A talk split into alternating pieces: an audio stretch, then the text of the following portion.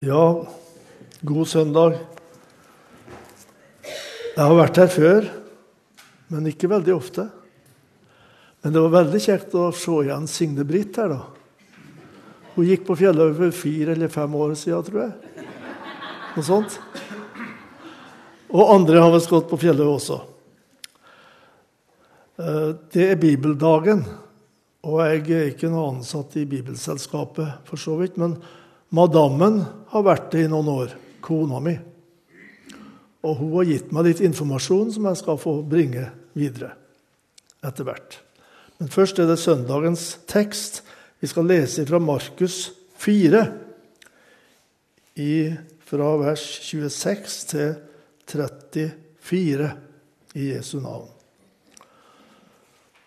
Og han sa, med Guds rike er det som når en mann kaster såkornet i jorden. Han sover og står opp natt og dag, og kornet spirer og vokser seg høyt.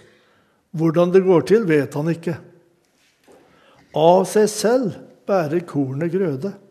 Først strå, så aks, og så fullmodent korn i akset. Men når grøden er moden, sender han straks sigden ut, for høsten er kommet. Han sa, hva skal vi ligne Guds rike med? Hva lignelse skal vi bruke om det? Det er som sennepsfrøet. Når det blir sådd i jorden, er det mindre enn noe annet frø på jorden. Og når det er sådd, vokser det opp og blir større enn alle hagevekster. Det skyter store grener, slik at himmelens fugler kan bygge rede i skyggen av det. I mange slike lignelser talte Jesus ordet til dem så mye de var i stand til å høre. Uten lignelser talte han ikke til dem, men når han var alene med sine egne disipler, utla han for dem alt sammen. Kjære Gud, himmelske Far, vi takker deg for at vi har ordet ditt, og at det er så virkekraftig. Amen. Det var jo to lignelser, dette her. Og en lignelse skal jo bety noen ting da, i den virkeligheten som Guds rike representerer. Og begge de lignelsene har det til felles at det går ifra smått til stort.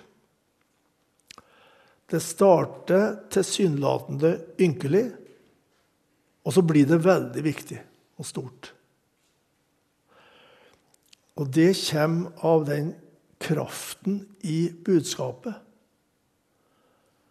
Skaper ordet, skaper kraften i Guds ord. Bibelen er full av ord som handler om ordets skaperkraft. Spirekraft, virkekraft. Jeg skal lese noen få av de ordene der, som du kanskje også kjenner fra før. I Hebreerbrevet 4, vers 12. Guds ord er levende og virksomt og skarpere enn noe tveget sverd. Det trenger igjennom helt til det kløver sjel og ånd, ledd og marg, og dømmer hjertets tanker og råd. Det er ordets kraft til å trenge inn og til å avsløre. For det hører med også det at det må avsløres noen ting for at det skal bli liv og vekst. Levende og kraftig og virksomt. I 1. Tessalonikerbrev 2 der skildrer apostelen situasjonen i menigheten i Tessalonika. Da han kom dit sammen med Silas og Timoteus, så var det mye motstand. Det var trengsler for de aller første kristne også, som ble omvendt der. Og det var ikke lett å drive virksomhet. Men i ettertid, i sitt første brev til tessalonikerne, så skriver han Derfor takker vi også alltid Gud for dette, da dere fikk det ord som vi forkynte. Tok dere imot det, ikke som et menneskeord, men som det i sannhet er, som Guds ord, som virker med kraft i dere som tror. De levde i en kultur der det var motstand, både fra andre jøder og jøder og heidninger. Det ble ikke uten videre tålt at de valgte en annen kurs for livet sitt enn det som var gjengs i Tessalonika. Men det var en kraft der som virka i dem, og som også gjorde at de kunne holde ut og stå fast. I romerbrevet så sier Paulus disse kjente orda at evangeliet er en Guds kraft til frelse. Og Det er ingen annen kraft som kan gjøre et menneske frelst, enten det er jøde eller greker sin. Guds kraft til frelse. Og Derfor må det forkynnes og vitnes om, leses høyt, proklameres, sånn at kraften får være virksom blant oss. Det er jo naturligvis en sammenheng her mellom denne kraften og det som Bibelen taler om, som vi kaller inspirasjonen. Det har med Guds ånd å gjøre. Hele Skriften er inspirert av Gud. Eller innåndet, sto det i en annen oversettelse. Gud har ånda på sitt ord. Budskapet om Jesus må alt det andre som hører til, det er forbundet med Guds ånd og virksomheten av Guds ånd. Det er derfor det har sånn spirekraft. I en tale til folket sa Jesus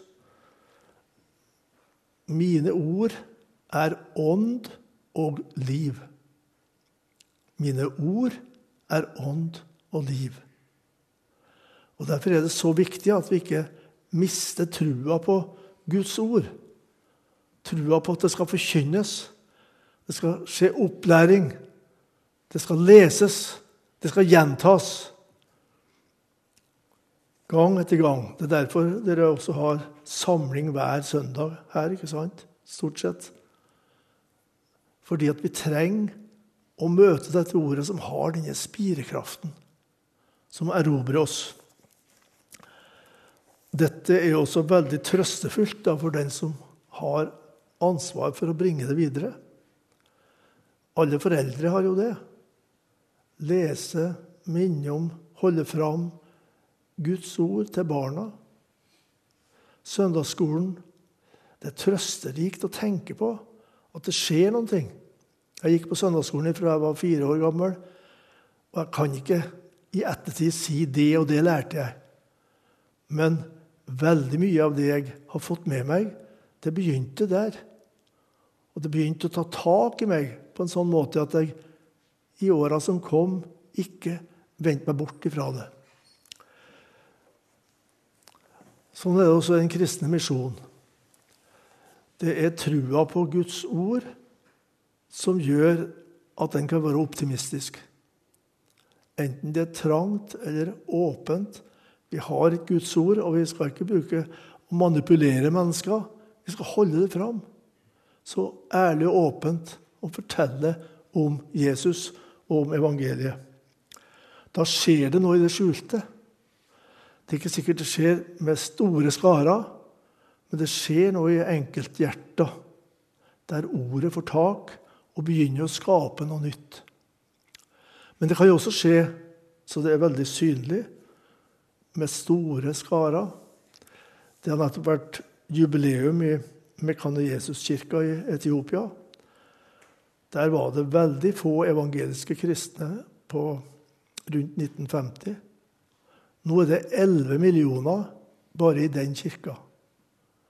Så her, Der har Guds ord slått igjennom på en særlig måte, og veldig, veldig mange har kommet til tro. Nå er det ikke nødvendig sammenheng mellom kirkemedlemskap og levende tro. da. Det må alltid være sånn at vi tenker det er ikke medlemskap i en kirke som bestemmer, men det er ordets virkning i hjertene. Men allikevel 11 millioner i ett kirkesamfunn på, på 60-70 år. Det er fantastisk. I Gulfen, der vi skal høre litt ifra senere, der skjer det samme. altså. Enkeltmennesker lytter, får med seg budskapet, søker sammen med andre kristne og merker skaperkraften i ordet. Da blir det stort resultat av det allikevel, sjøl om man ikke alltid kan telle uh, frelste sjeler. Da Jesus begynte i Galilea, så så det jo egentlig smått ut. da. Og det var etter hvert veldig stor motstand. Og da han ble ført til korset, hadde til og med hans nærmeste trukket seg unna. Det så veldig ynkelig ut. Her, her, er det en religionsstifter som bare blir korsfesta og utrydda. Sånn måtte det te seg for de som så det på avstand. Men den lille begynnelsen, den tilsynelatende ynkelige utgangspunktet, har blitt et stort sennepstre, for å bli i Jesu bilde her. Som til og med fuglene finner mulig å bygge reir i. Det tror jeg Jesus, med det, med det tror jeg Jesus mener folkeslagene utenom Israel, som skal få høre dette budskapet. Det som starta så ynkelig. Det lå en kraft i det. Ordet om korset en kraft til frelse. Så ble det proklamert. Så var Guds ånd der. Og så fikk folkeslag rundt omkring muligheten for å høre det, ta imot det og bli en del av det. Det er store ting som skjer. Innhøstingsdagen kommer til å vise resultatet av det som starta i det små. Der sier Johannes i åpenbaringsboka 7, vers 9.: Deretter så jeg og se en stor skare som ingen kunne telle, av alle folkeslag og stammer og folk og tungemål. De sto for tronen og for lammet, kledd i lange, hvite kjortler og med palmegrener i sine hender. Uttrykk for lovprisningen. De hvite kjortlene, uttrykk for at de var rensa i Og så sto det lammet her. Rensa i lammets blod. Altså Jesus som var som et offerlam. Som ofra seg for deres synder. Og som gjorde det mulig at de kunne bli rensa. Stå rein og rettferdig for Gud.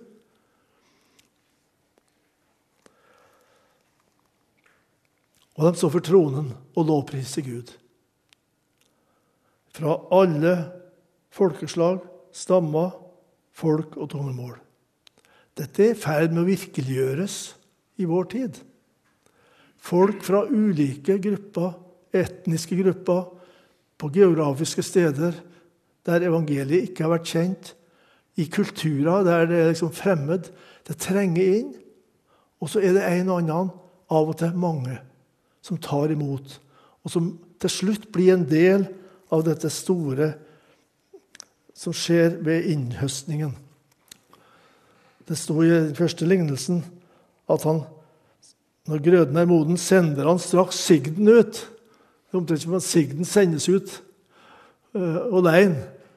Men det er naturligvis et bilde da, på at det høstes inn. Andre plasser står det at han sender sine engler og høster inn fra alle fire verdenshjørner.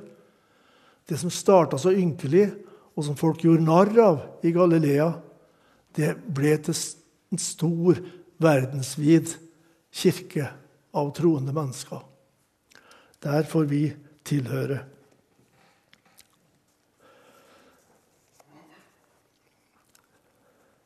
Jeg skal ikke bruke mer tid nå, før jeg kommer tilbake og skal si litt om Gulfen og det som skjer der. Men det egentlig bekrefter det som vi har sagt her, at det som starter i det små, kan ende i det som er stort. Såkornet har spirekraft, og det skjer noen ting. Amen.